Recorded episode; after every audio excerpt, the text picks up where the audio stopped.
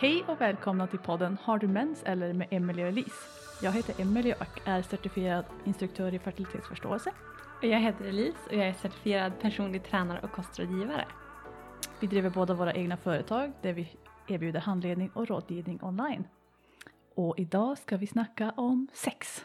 Yes. Vi tänkte vi skulle snacka lite avsikt, fertila dagar, alternativa sätt att ha sex på Precis. ungefär. Lite sån där, för det känns, eh, vi snackade om det tidigare att nu har vi haft några avsnitt ändå och det är en podd liksom om mens och allting fertilitetsförståelse men vi har inte snackat om sex liksom. När vi snackar preventivmedel måste vi snacka sex också. Ja, precis. Jag känner bara, men vi har ju, vi har ju typ nämnt det i förbifarten och det är egentligen det fertilitetsförståelse är egentligen till för. Att liksom skydda sig från graviditet. Ja. Eh, men eh, ja. Ja, alltså det är ju som, ja men, eh, alltså även fast det känns som att det låter ju självklart när man säger det så är det ju faktiskt så att det måste vara någon med spermier som kommer i någon med äggstockar för att man ska kunna bli gravid Mm. och för att man ska ha ett preventivmedel. Annars behöver man inte det. Eller vad man ska Nej, säga. ja men precis. Det är ju as simple as that. Det är så man kan bli gravid helt enkelt. Och Mm. vill vi undvika det så kan man ha olika preventivmedel och vi snackar väl om liksom, fertilitetsförståelse då som preventivmedel bland annat Mm. i den här podden. Men eh, Vi har ju ett helt avsnitt där vi snackar mer om fertilitetsförståelse som typ kroppskännedom också. absolut, ja det är ju absolut en, en del i det. Men Jag tror det var mest på mensappar avsnittet vi snackade om det va? Mm, Mm. ja, ni får gå tillbaka och lyssna. Men i det här avsnittet så tänker vi då att ja okej, visst jag använder fertilitetsförståelse för att komma, komma underfund med vilka mina fertila dagar är. Vad gör jag då då? Vad gör jag på de dagarna då? Ja, Så det är det vi tänkte det minns jag var en eh, liksom, inte big deal, jo men lite av en big deal. För jag är inte så kreativ. så eh, när det liksom kom bara, ah men nej du måste liksom skydda dig eller ha alternativt sex. Man bara, va? Vad är det för någonting? Inte penis i vagina? Va? Jag förstår Exakt. inte. typ. Yes. Det finns eh, annat. Men vi börjar med våran check-in. Mm. Cykeldag och hur läget är Mm. i våran cykliska natur. Ska jag börja? Mm. Jag är på cykeldag sex. Så jag har precis typ eh, avslutat mens om man säger. Jag har en mens på ish 4-5 dagar. Men då har jag typ lite spotting i slutet. Ehm, så, men det känns jävligt nice. Eh, jag känner mig pigg. Jag känner mig eh, glad. Jag känner mig liksom... Men det är bara good times liksom. Härligt. Sen jag är lite trött i huvudet känner jag. Mhm. Men annars så. Jag brukar oftast inte, alltså jag blir typ lugn under mensen. Mm. Men jag blir oftast inte seg. Vilket känns ganska skönt. Den Ja. här gången, åh, den här gången så, så för förra gången så hade jag mycket mensvärk och gången innan det också. Så jag har haft mensvärk i alla fall första dagen. Eh, lite kraftigare mensvärk så jag har behövt ta någonting. ehm, för att det ska liksom lindras. Men den här gången, ingenting. Skönt. Jag kände, jag kände av det och det var så här, mm, kanske ett litet, litet obehag. Men det var extremt lite och det kändes bara nice. Gött. Du då? Ehm, jag är på cykeldag 23. Så jag har, jag är åtta dagar eh, DPO, alltså past ovulation. Mm.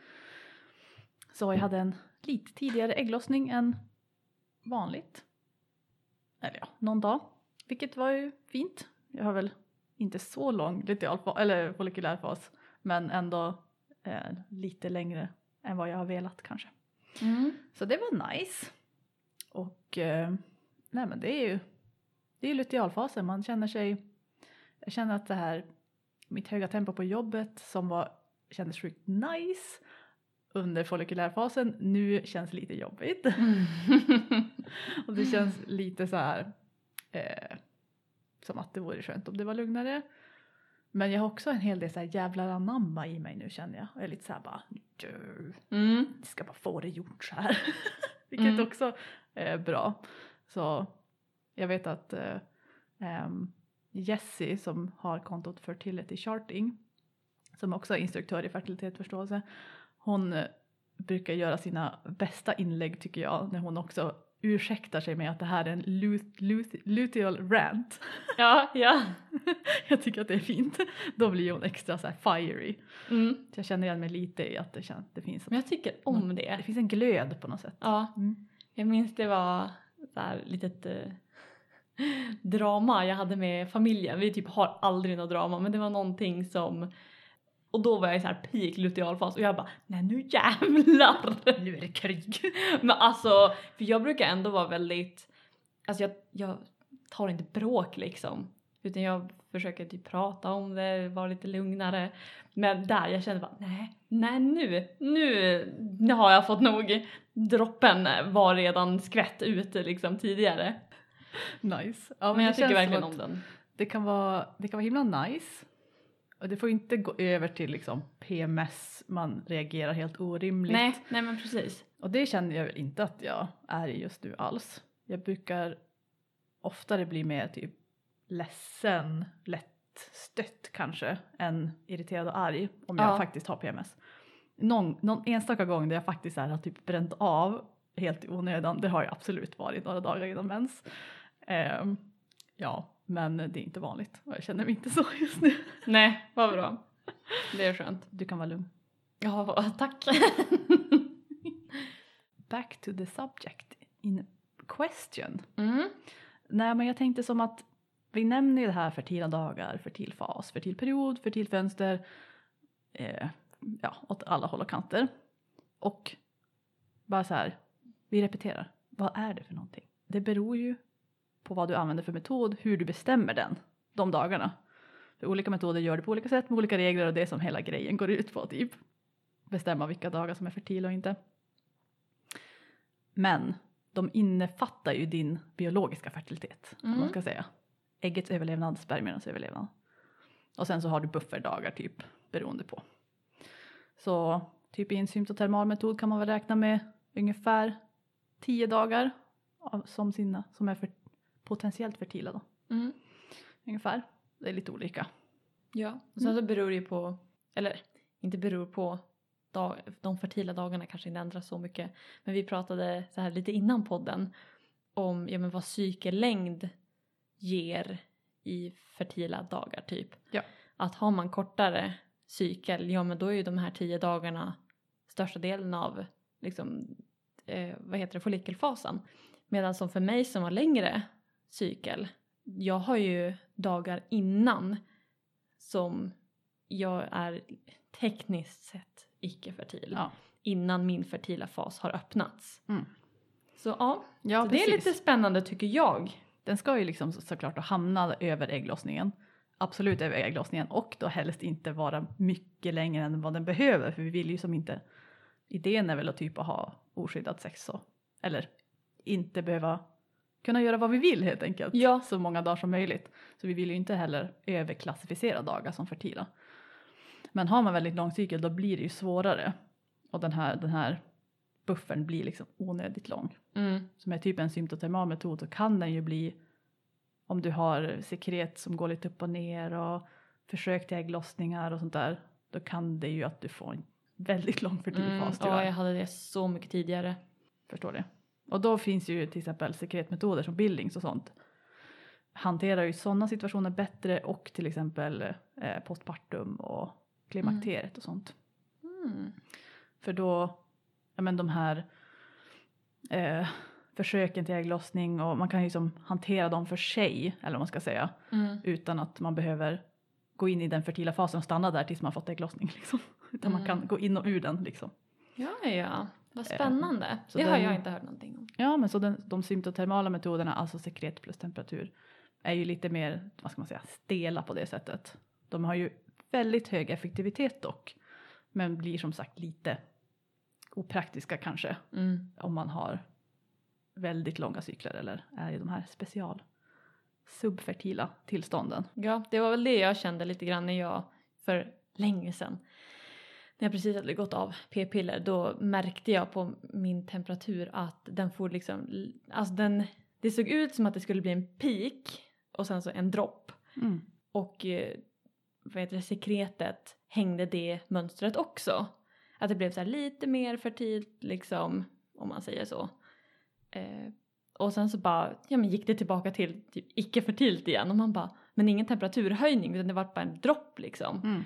Så man försökte typ en till två gånger per cykel innan jag fick min Mm. riktiga ägglossning. Vilket är ganska intressant ändå Mm. att se hur kroppen försöker. Ja men precis och det är ju vanligt efter man har varit på hormonella preventivmedel att ja, men liksom hjärnan och äggstockarna måste lära sig kommunicera igen så det Mm. kan ta liksom ett tag innan de har ja, det har balanserat sig igen. Mm. Så då får man, kan man ofta få sådana där double peak brukar man prata om att man får sekret som ser ut att kunna gå mot ägglossning och man får ökande estrogen men det når inte hela vägen för att trigga ägglossningen. Precis. Och en del har liksom bara också kanske eh, sekret i sina, sitt infertila mönster är också ett sekretmönster. Och sånt bestämmer man ju liksom om man är i de här postpartum och klimakteriet och sånt. Då får man jobba mer med dem. Men det här är inte vi. Nej. Nej. Så vi har liksom en fertil fas per cykel istället. Och då måste vi ju göra något, om vi vill göra något den perioden Mhm. så måste man ju klura lite på det.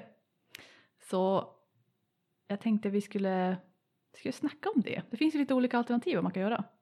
Ja, precis. Det viktigaste som jag vill säga först är att om vi säger att man använder en metod så många av de metoderna av fem så är det liksom inget PIV som du sa tidigare, Mm. penis i vagina sex, alltså kontakt mellan könsorgan som Mm. gäller för att man ska få den effektiviteten som metoden lovar. Så använder man kondom till exempel så är det ju kondomens effektivitet man litar på eller pessaren Mm. eller vad det nu är. Så då kan man inte liksom skylla på fam, eller förstår du vad jag menar? Mm. Det är klart, alla är vi vuxna och gör vad vi vill. Mm. Så det är inte så att Men man... det är ändå en, eh, en bra, alltså att man skiljer på det. För jag menar om till exempel man använder fem men sen under den så här eh, fertila fasen så byter man över till kondomer. Mm. Ja men då blir ju kondomens eh, effektivitet som man måste räkna på inte eh, ja men fem. Ja, alltså då Metoden. använder man egentligen inte Mm. längre fam utan Precis. man använder ju då kondom som preventivmedel. Det har jag inte tänkt på faktiskt. Men Ja. det är bra att du säger det. För kondom har ju då sin effektivitet och till exempel att tänka på med det, det exemplet och de alla egentligen alternativ är ju att effektivitet på kondom är ju beräknat på en hel cykel. Även om du är fertil eller inte. Så att eh, en kondom kommer ju i sådana här försök miss, alltså den, den kommer misslyckas, alltså det kommer liksom läcka, man ska Mm. säga. Men om du är inte fertil, alltså blir du inte gravid. Så att om du bara använder kondom under de dagarna du faktiskt är fertil så kommer effektiviteten vara lägre. Alltså det är Mm. större risk att bli gravid än vad den säger i vanliga fall. Mm. Förstår du? Mm. Så det är också en högre risk än vad kondomanvändning är i sig. Fattar du? Mm. Ja, Så det är värt att tänka på. spännande. Mm. Det är lite konstigt ändå att det är Alltså att det är en statistik där de har tagit och använt kondom under de icke-fertila faserna. Ja. Egentligen är det ju jätteskumt. Jag menar varför skulle man använda kondom när man inte är fertil? Jag menar alltså folk Tekniskt vet inte att de är fertila. Ja men och därför har de precis. kondom bara. Så då är det liksom bara, ja, jag vet inte, då är det lite så här falska siffror om man egentligen ska tänka på det. Ja, absolut. Alltså om du använder det till exempel då bara när du är fertil. Då blir det ju så att det blir liksom faktiskt skevt. För att vanliga kondomanvändare så att säga, de använder det ju bara jämt oberoende om när i cykeln och det är då man får de här värdena. För att de vet ju inte när de är fertila liksom. Mm. Och till exempel kondomstatistik är ju också alla med typisk användning är ju också då alla gånger folk inte använder kondomen. Alltså fattar du? De inte sätter på Ja. den eller alltså inte använder den alls ens för att de säger att vi är ett par som använder kondom betyder inte att de alltid kommer ihåg att göra det. Så ja, kondom kan ju vara väldigt effektivt om man använder den perfekt. Mm. Som med allting. Så. Ja, precis. Det beror på. Torraste svaren ever. Nej men jag har alltid det som ett väldigt tydligt när jag eh, lär ut liksom, fertilitetsförståelse till mina klienter att de får göra vad de vill. Här är alternativen, så här funkar det. Och jag snackar alltid om det här med dem. Men också så här att vill du ha den här effektiviteten som jag lovar med den här metoden så är det inget PIV som gäller under de fertila dagarna. Mm. Alltså så här, du får göra vad du vill som sagt men det är, det är den, vad säger man, det är fundamentet det står på så att säga. Mm. Ja, så det är viktigt tänker jag.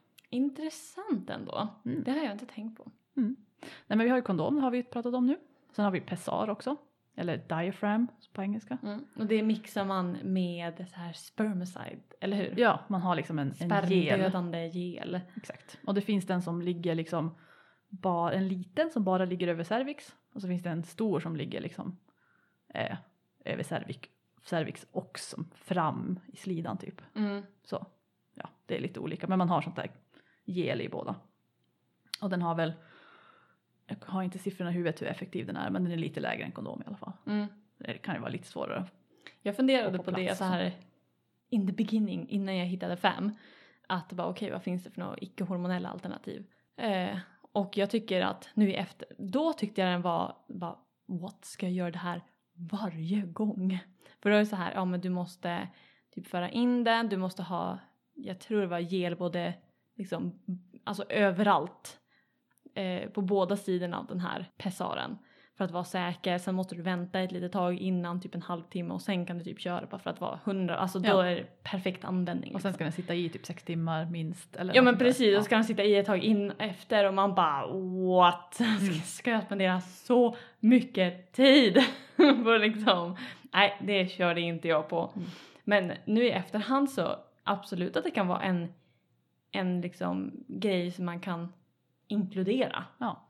ja, jag har aldrig själv provat pessar men en sak att nämna med både kondom och glidmedel rent allmänt och pessar till exempel är ju att sådana metoder, också därför man inte rekommenderar dem, eller ja, inte rekommenderar, men alltså eh, ja, är försiktig med att påpeka saker Mm. om dem eller vad man ska säga. ja. That didn't make sense.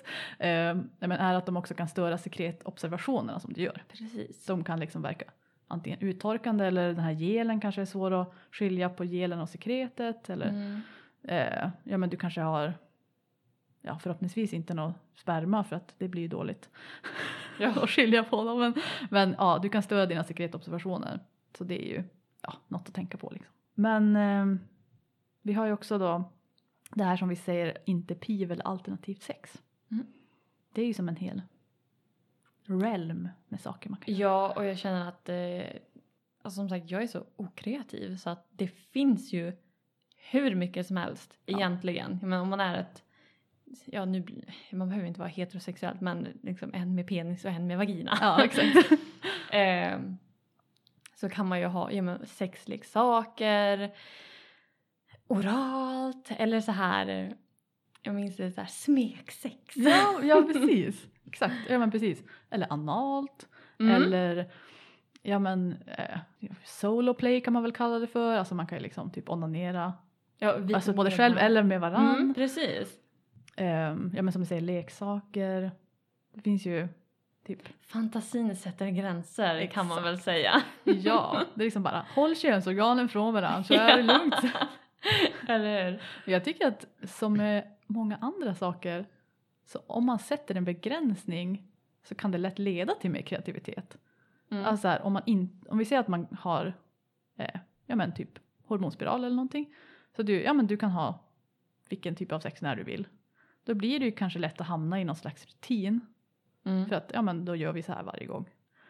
Men om du har den här cykliciteten hela tiden att ibland får du göra, kan du liksom ja men ha helt oskyddat sex då och faktiskt komma i varann. Mm.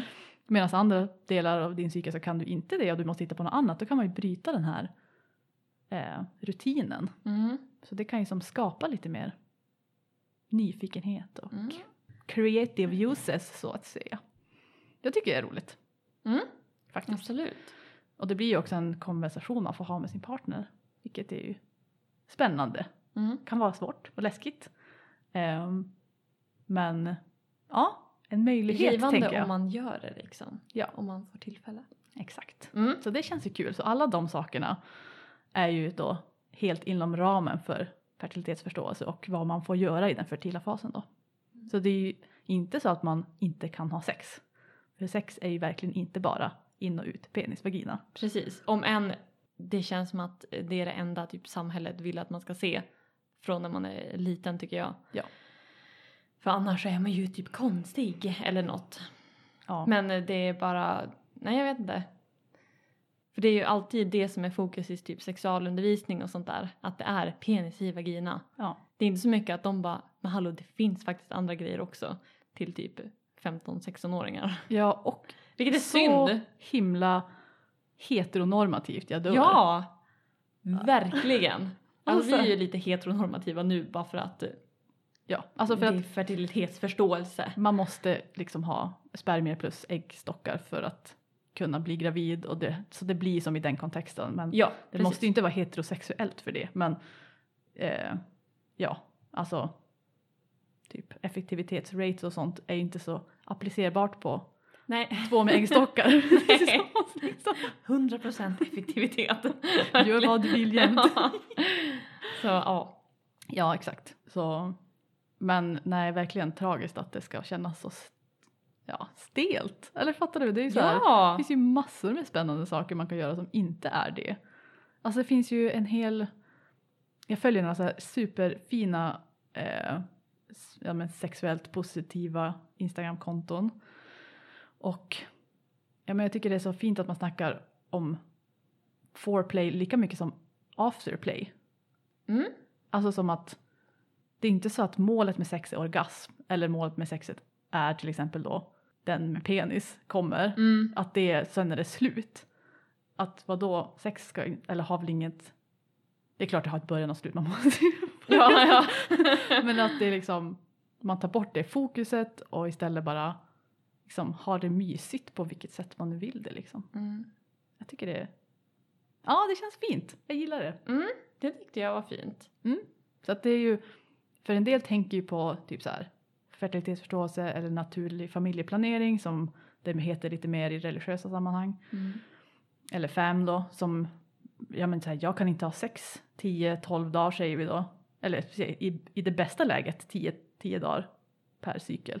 Och det känns jättelänge, vad då vi brukar ha sex flera gånger i veckan eller vad det nu kan vara. Mm. Men det betyder inte att man inte kan ha sex. Mm. Det betyder att man måste bara ha en annan typ av sex. Precis. Amen. Alltså det enda jag sitter och tänker på när vi säger så här PIV, så här penis i vagina. Alltså Bästa förkortningen. ja, men jag ser bara spöket. Jag ser bara det här Harry Potter-spöket. Sa det- inte du det här tidigare? Jo? Jo, jag vet. Och jag kan, jag typ, vad heter det, fan snubbla benen för mig själv. Så det är det enda jag sitter och tänkt på nu för att jag har inte läst böckerna så. Jag har lyssnat på några böcker. Men eh, spöket är ju liksom inte med i filmerna. Nej. Men det är med i spelet. Och jag har spelat spelen så jävla mycket när jag var liten. Och det här spöket är irriterande. Och, eh, Men Piv är inte irriterande. men piv är inte irriterande. Ja. Men, eh, Men inget eh, avsnitt av Har du mens eller är komplett utan att Elise drar en Harry Potter-referens. Så nu kan vi checka av Mm. den. ja, precis. Strålande. Jag måste nästan, nej jag ska inte anstränga mig för att göra det i varje avsnitt för att det Nej. kommer naturligt. Exakt. Oroa dig inte. Det kommer. Autentiskt så finns det där. Mm. Ja, men vi har ju en till sak som man kan hitta på som ett eh, alternativ. Dock som inte nu faller, det här är också ett, ett PIV då. Så det, det funkar ju inte i den fertila fasen enligt FAM då. Men man kan ju använda avbrutet samlag som ett preventivmedel. Ja, precis. Så vi tänkte vi snacka lite om det. Mm. Alltså, a.k.a. finska rycket. Eller Finska ryck.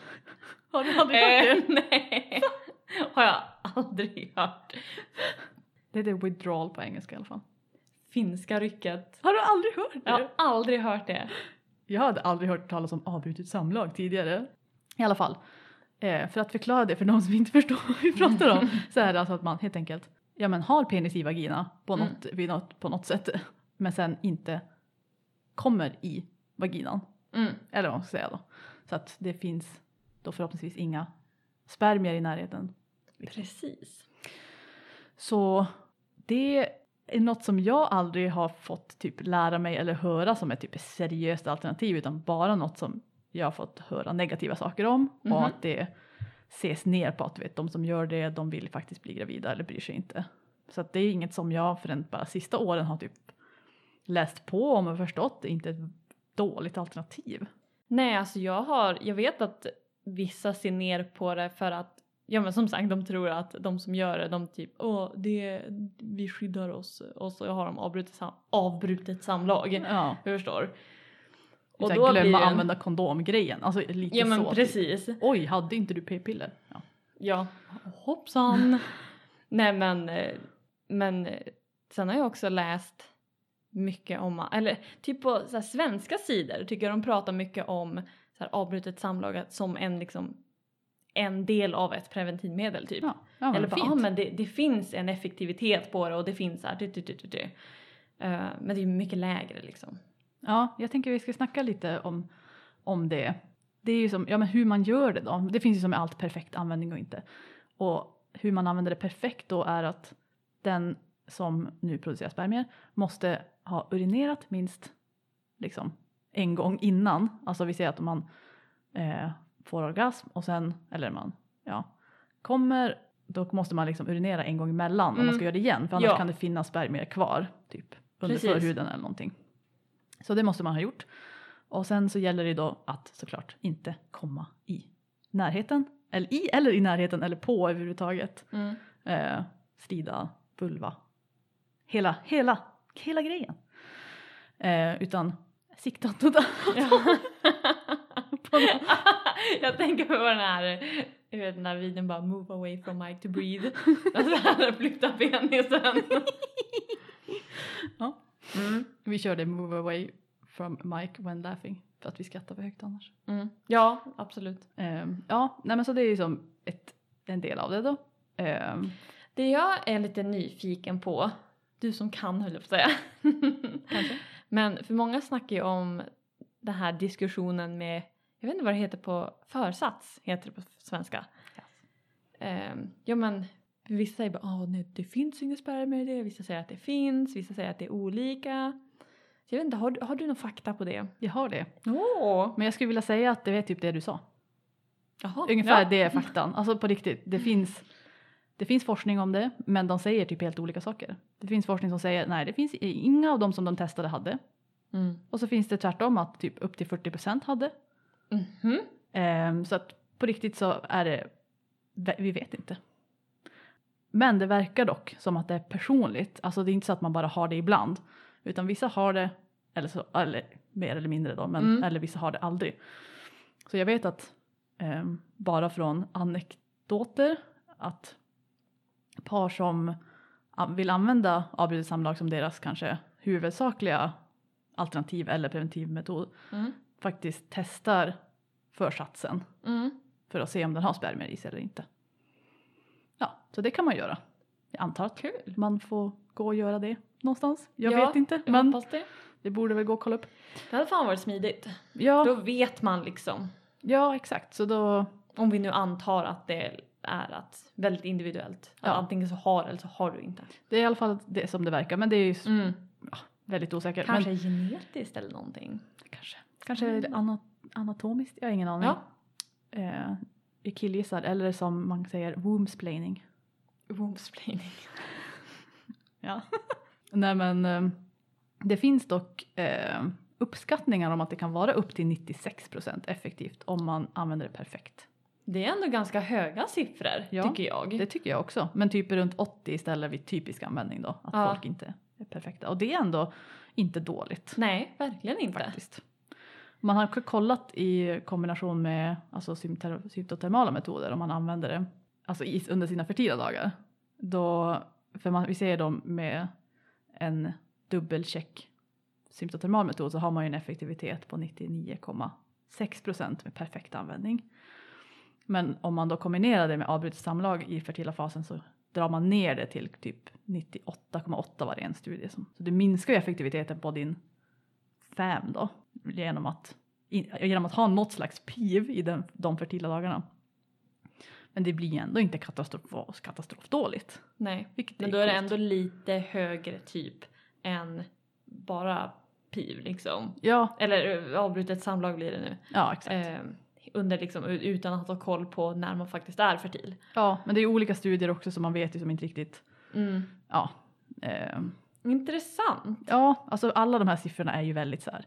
Det är ju inte baserade på jättestora studier på jättemycket folk och sånt så man får ju ta dem för vad de är liksom. Mm. En indikation tänker jag. Mm. Men jag tycker ändå det är coolt att veta att det inte är ett det är inte ett jätteoansvarsfullt alternativ om man Nej. Alltså det är inte verkligen inte så här bara "Åh, du vill bli gravid direkt så här. Alltså ja det är en risk. Det är det alltid om man Men det är det, som, som sagt, det är det alltid. Har du en penis i en vagina så är det en risk höll jag på att säga. Ja men Nej, exakt. då är det liksom, det kommer alltid finnas någon procents, eller någon, 0,0 procents Ja. chans Exakt. att eh, det blir, alltså det slutar i en graviditet. Ja, Men alltså det, det liksom, man får ju räkna med det. Alltså det är bara så. mm, Och det, vilken fin segway, tack för den. Kommer vi in på avsikt helt plötsligt då. Mm. För det tänkte jag vi måste få med också. För det är ju viktigt då att man kombinerar sitt preventivmedel och hur man till exempel då hanterar de fertila dagarna med vad man faktiskt har för avsikt med sin fertilitet. Mm.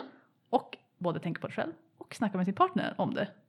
För det är ju faktiskt, om man nu är i en sån relation där man kan bli gravid, så ja, har man en gemensam fertilitet och då kan det ju vara rimligt att komma fram till en gemensam avsikt. Så här, hur vill vi hantera den? mm, Yes. Så det finns ju något som många fem människor pratar om som heter intention scale eller avsiktsskala då. Avsiktstrappa. Jag vet inte vad vi får översätta den till. Men jag tänkte vi skulle gå igenom den. kör. Du har hört talas om den antar Nej. jag? Ja, lite grann antar jag. Men det är väl så här i förbifarten, jag har väl de här enkla TTC, TTA och sånt. Och, Och det, det är är väl ju- typ det jag ser mest. Ja, och det är ju den, den grövsta versionen är ju bara det. TTA är alltså trying to avoid, vilket är försöka att inte bli gravid. Mm. Och TTC är trying to conceive, alltså försöka bli gravid. Och det är väl som kanske oftast bara så långt man snackar om det i vanliga fall. Ja. Så här, vill du bli gravid eller inte? Typ. Mm. Men då finns det en skala då från 0 till 10 som man brukar snacka om och det blir lite mer nyanserat då. Mm. Och det, det finns lite olika, jag har en version här som jag vet många instruktörer använder av som stöd så jag tänkte vi ska gå igenom den steg för steg. Så vi börjar med trying to avoid 0 då, alltså vi vill på en skala 0 till 10 verkligen absolut inte bli gravid av inga anledningar alls, noll. Mm. Yes. Och då är det så här, vi gör, vi tar inga risker, vi gör allting för att då också inte bli gravid och om vi blir det så använder vi eh, dagen efter piller eller abort. Ja. Alltså det är så här, det, nej det händer inte. Mm. Många i den här kategorin är ju de som kanske aldrig vill ha barn eller redan har fått nog många barn och det finns ju också då att sterilisera sig på något sätt ett alternativ om man är där på ett Mm. väldigt permanent sätt Ja. är det ju inte orimligt. Så det är noll i alla fall. Sen så kommer vi då på ett. Och då hamnar man också på, vi tar fortfarande inga risker. Vi säger vi följer alla regler på din metod. Vi använder inget PIV och så Ja. vidare. Men man kanske ändå faktiskt, man överväger ändå starkt abort eller sådana alternativ om man råkar bli gravid Mm. ändå. Så det är liksom ändå sådär, nej vi vill verkligen inte ha barn just nu. Men det är inte lika satt i sten. Nej. Typ. Nej men exakt, det finns ändå en något tvivel där bak. Fattar du? Mm. Det är inte, inte noll, nej aldrig. Utan det är så här, Mm. vi måste tänka på det i alla fall. Ja, kanske inte just nu. Ja, men exakt. Och sen så har vi då två, så fortfarande vi tar inga risker. Men vi kanske måste tänka på det här ordentligt och vi kanske faktiskt behåller det om vi har tänkt på, alltså så här, Mm. man får vända och vrida på det och klura och så vidare. Så det handlar ju också mycket om så här, hur hanterar man den fertila- fasen och vad gör man om man faktiskt blir gravid Mm. oavsiktligt då? Det tycker jag är en jätteviktig diskussion att ha med sin partner. Verkligen. Ja, inte bara så här, 100%. vi tar det när du kommer, utan bara nej, Ja, nej. vi vill diskutera det innan så vi vet hur vi ska bete oss för att följa den avsikten. Mm. Jag tycker det är viktigt. Jag Och- tycker det är så galet om det händer alltså typ en så här one night stand och så blir de gravid på det. Ja, Det tycker jag, alltså, men det är min personliga åsikt, det tycker jag är helt galet. För jag skulle aldrig någonsin kunna tänka mig att bli gravid liksom på ett one night stand sen så bestämma mig för att behålla barnen. Men som sagt, det här är min personliga åsikt. ja, Eh, Nej, Men- det beror såklart på hur man ställer sig till abort och sån här Ja. eh, dagen efter piller och hur det kanske inte ens för- passar i ens värderingsskåp, vad ska säga överhuvudtaget. mm. Ehm, ja, Nej, jag tycker det, jag tror anledningen till att jag tycker det är lite så här bara what? Är för att om det blir ett one night stand så skulle man igen och du själv är medveten om att okej blir jag gravid så gör det ingenting för att jag vill behålla barnet eller ja. ehm, om man är högre upp på skalan så att säga. ja, Men då att man har en partner, det här kanske one night standet Ja. då, som där är på noll. Ja. Du vet, de vill aldrig ha barn. Och då krockar det ju jäkla hårt där Mm. alltså. Och det är väl det jag känner att bara... För i slutändan är det alltid kvinnan som får bestämma över sin egen kropp. Men just när det kommer till att sätta ett barn till världen, jag vet inte, jag tycker att det är någonting. ja, och det tycker jag det är ju, Det är viktigt tar upp en att, viktig poäng att det är därför det är så viktigt att speciellt om man som kanske personligen har olika avsiktsnivå mm, att man då diskuterar det och kommer fram till hur vill vi hantera tillsammans. Vilket ju liksom rent rimligt hamnar på den lägsta av de nivåerna. Alltså på den här skalan. mm, Det är ju inte liksom rimligt att försöka typ kompromissa sig mot barn. Alltså det är Nej, bara... nej. Ehm, men det är ändå därför måste man ha den diskussionen tänker jag. Och det blir ju inte en diskussion i ett one night stand så. Nej där- men precis, man säger inte så här mitt i bara by the way om jag blir gravid nu så behåller jag barnet och så de bara eh. Men Ja. dock, alltså det tar ju upp det här som vi snackar om mer om det här feminismperspektivet på det hela. Mm. Alltså så här, att män måste också, alltså de som har spermier i regel, Ja. måste ta ansvar för sin fertilitet och kan inte bara gå runt och komma i folk hur som helst utan konsekvens. De kan inte förvänta sig att den andra personen alltid ska ta ansvar. Nej, Alltså bara, just det här eh, då är det så här, ja men vi tar det här one night standet som exempel Ja. igen. Men eh, att de bara, ah, går du på p-piller? Ja. Men det är så här, jag har hört historier om, då, tyvärr, det är någon som sagt att de går på p-piller fast de gör det inte. Ja. Och då blir det ju att, nej men tyvärr är det ett one night stand, du måste ha din egen fertilitet i dina egna händer och då är det jätteviktigt för män ja. att veta att okej, jag tänker inte ta några risker. Alltså jag, Ja. jag- om jag var man, eller om jag kommer med spermier, Ja. då skulle jag absolut, alltså kondom och avbrutet samlag jämt om jag var osäker på, om jag inte litade till 100% på den andra personen. Mm. Alltså för det är det enda, det är det som den personen kan göra för att ta ansvar då. Mm. Alltså jag menar, det Precis. spelar ingen roll, du kan bli gravid på p-piller också. Om man, alltså man kan inte bara gå runt och komma i folk Ja. utan att ta ansvar för det. God damn it! Sitter jag och viftar med handen här. Ja, nej men så det är som du säger, speciellt viktigt om man är olika på den här skalan. mm. Eh, så kalibrera er med eran partner Mm. vill vi väl vifta för. Mm. Mm. Och vet var du själv står. Ja, Tycker jag är en viktig grej. För jag menar, för det är skillnad på bara jag vill inte bli gravid. Alltså på, på, vi är fortfarande på jag vill inte bli gravid kategorin nu. Mm. Och det är ändå olika på hur man hanterar de här situationerna. mm. ja, det är liksom i slutändan hur, vilket beslut gör du? Ja. Det är det som är. Visst, du kan göra, ja men de här tre stycken kan göra exakt samma innan. Mm, En alla de här är fortfarande tar inga risker med Precis. reglerna och sånt. Liksom. Men skillnaden är när beslutet måste tas. Ja. Och det är där man måste veta var man själv står. Ja. Och ens partner. ja, precis. Det handlar ju både om så här, hur beter jag mig innan, alltså vilken risk jag är beredd att ta, vilket Mm. preventivmedel, vilken effektivitet, bla bla bla. Och sen exakt vad gör jag åt det typ. Ja, men då Mm. kommer vi till trean då. Och den är fortfarande på tar inga risker rent, rent metodmässigt. Men är så här, eh, oj hur händer det här typ. men det blir säkert bra så här, eh, en överraskning är okej liksom. Mm. Så ja, det är ju då, har man ju som kommit förbi man vill göra adoption, abort, eh, plan B, sådana grejer och så. Mm. Utan man är ändå så här, bara, jaha okej det blev så.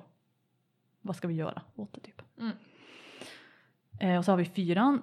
Då hamnar vi fortfarande på att ta inga risker. Jag väl lite, lite tveksam till att man kan väl ändå vara trying to avoid utan att men också smygbryta lite på reglerna. Så jag skulle väl Ja. ändå så här tycka att både på tre och fyra kanske man ändå så här blir lite...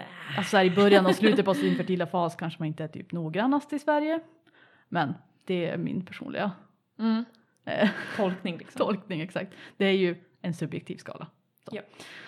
Men på då TTA4 så är man kanske liksom nöjd med de barnen man har. Man kanske inte vill ha fler barn men får man fler så är det också okej typ. Mm. Alltså då är man, man är väldigt nära fem vilket är TTW, trying to whatever. Ja, mm. Vilket är som en kul kategori tycker ja. jag. Eh, Så då är man ju väldigt nära så här, ja händer det så händer det. Mm. Typ. Man kanske ändå har fertilitetsförståelse som sitt preventivmedel, man följer det och så vidare men man är ändå lite så här, ja ja, det Mm. blir bra. Typ. Men trying to whatever då, alltså försöka vad som helst, Mm. tycker jag är en jätterolig kategori. Då är det verkligen så här, ja visst vi kanske använder det typ som preventivmedel men vi kanske inte bryr oss så mycket om fertila dagar och Mm. oj visst vi blev gravida, oopsie daisy. Mm. Alltså jag kan inte se mig själv i den här kategorin någonsin. Nej. Men jag vet inte om det är för att jag har för mycket kontrollbehov. Ja. Mm, kan vara det. Alltså jag är så här, man, jag, är så här, jag tänk, kan inte tänka mig att jag inte är på någon av sidorna av skalan. Men Mm. Ja. Alltså, jag känner lite både och. För det känns som att Alltså jag, om jag hamnar i den här trying to whatever i framtiden då kommer jag ju fortfarande så aktivt bara okej mm, om vi gör det nu så kan det resultera i graviditet och så kommer jag bestämma därefter så det, då blir det ju antingen eller. Ja, ja men precis. Så jag vet inte, mm, jag vet inte hur det är. Det är så här, den finns där på den här skalan men för mig är den lite svår att greppa. Mm. Men alltså, jag tänker som att man hör ju folk som är så här, ja men de kanske inte aktivt planerar för att bli gravida men de har, använder inget preventivmedel utan de har bara sex när som helst och så ser de vad som händer. Mm. Då hamnar man ju på något sätt i den kategorin. Ja. Ja, let's move along. Eh, nu är vi då på trying to whatever sex. eh, men man kanske, då kanske man kartlägger, använder fertilitetsförståelse för kroppskännedom. Eh, man har liksom oskyddat sex lite när som helst och man blir man gravid så blir man det. Mm. Typ. Mm. Så då är man ju helt ur preventivmedelstänket. Ja. Då är man ju faktiskt på andra sidan skalan. Medan sju, då kommer man faktiskt in till mer faktiskt vill ha barn. Man, eller man, vill ha barn men man kanske inte superaktivt försöker matcha, vad heter det, maxa vartenda Ja, ägglossning liksom. tillfälle liksom. Utan man vill det och, och sådär. Men Ja. Lägger lite mer fokus på det. Precis. Mm. Jag tänker typ så här att den dagen som jag tänker att man ska försöka bli gravid. Att jag, jag kommer aldrig kunna typ sluta kartlägga. För jag kommer alltid kartlägga sekret i mitt huvud för att Mm. jag har gjort det så många år. Same. Så jag skulle aldrig liksom kunna jag skulle kunna sluta tempa men jag kommer alltid ändå kunna vara i den där typ jag vet ju att jag är typ fertil och har ägglossning snart. Mm. Ja, side note. Då har vi åtta då. Trying to TTC 8. Då är det så här superpeppad eller så här, peppad på att få familj. Eh, vill det men använder typ inga alltså fertility treatments liksom. Mm. Man är, försöker fortfarande eh, bli gravid på helt naturliga vägar. Medan vi nu när vi kommer uppåt i den skalan mot nio då är man så här nu jävlar vill vi ha barn typ nu. Ja, då använder Eh. man lite mer, du vet, tajmar. Ja, man tajmar varje cykel. Mm. Och skulle också kunna tänka sig att börja med någon slags IVF eller någonting om det inte händer. Mm. Typ. Medan si- tio på skalan är, jag brukar säga man helst ville bli gravid igår. Ja. Ungefär. Man har då väldigt tajmat sex. Och man eh, skulle kunna göra alla, alltså man, man gör i princip allt för att bli gravid. Mm. Det är bara, precis som i nollan är allt för att inte bli gravid så är tian allt för att bli gravid. Mm. Ja, men jag tycker det är spännande att tänka på. Mm. Snacka om det med er partner, tänk på det själv. Alltså den här skalan är inte så sett, satt i Åh, sten. Kan inte du lägga ut den här på Instagram när Ja, vi släpper det här Det kan jag göra. Jag kan Det göra en svensk, svensk version på den. Mm. Absolut. Ja, nej men eh, lite sånt var det väl det vi hade tänkt snacka om idag. Vi kan ju sammanfatta ihop det lite grann bara så här. Mm. Jag tänker att det finns massa olika naturliga metoder, preventivmedel som vi har snackat om idag. Mm. Man kan kombinera dem lite åt höger och åt vänster efter sitt heart's desire. Ja men typ. Mm, Det är bra att vara medveten om vilka risker man tar då. Mm. Så att man matchar sin avsikt. Ja men det är precis bra med det du säger eller sa tidigare att det switchar effektivitet egentligen ja. från din egen FAM-metod till ja, men, preventivmedelsmetoden som kondom eller Ja. pessar. Eller, ja. Och att det är bara då inte PIV-sex som passar i det fertila fönstret enligt FAM. Mm. Men som sagt, vi är alla vuxna, vi gör vad vi vill. Bara man vet vad man ger sig in på. Så till exempel är man en TTA 0 så skulle jag ju då absolut inte använda eh, kondom i den fertila fasen till exempel. Nej. För det, det blir en alldeles för hög risk om man, som man inte vill ta då. Mm. Ja. men precis. Och då finns det ju andra grejer att göra som vi snackar lite om också. Det finns så många olika sorter att ha sex. Yes. Det är ju inte bara piv. Exakt. Så ni får utforska det, ha samma fina höga effektivitet på preventivmedlet och en massa nya spännande saker att prova. Mm. Yes. Så Skriv till oss. Nej. exakt. Ge oss inspiration. Ge mig inspiration, god damn it.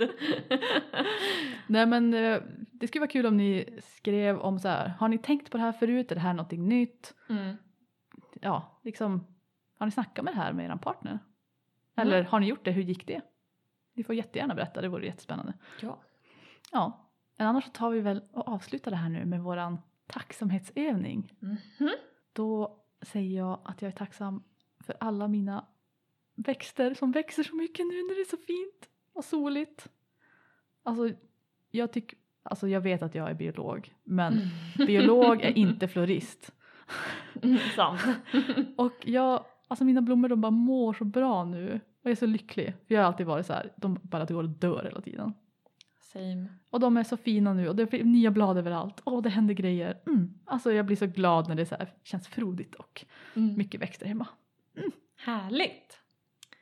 Jag tror jag säger jag är tacksam över min mammas hus, eller läge på hus och hus rättare Mm. sagt. För att eh, hon är så precis bredvid en liten sjö. Och det är så jäkla varmt där. Alltså det är varmt i sjön. Det var 27 grader.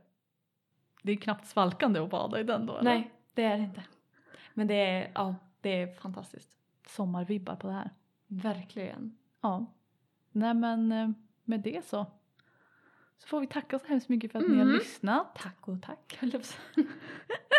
Och som vanligt så kan ni boka rådgivning och handledning i fertilitetsförståelse på min hemsida Cykelklok eller läsa mer om sådana här grejer på min Instagram som också heter Cykelklok. Mm. Och så kan ni boka om ni har problem med PMS eller mensvärk eller andra hormonella obalanser så kan ni komma till mig. Köra matcoachningsprogram. Precis, på hälsonöjd. Mm. På hälsonöjd fast utan alla prickar. Hälsonöjd.com till och med.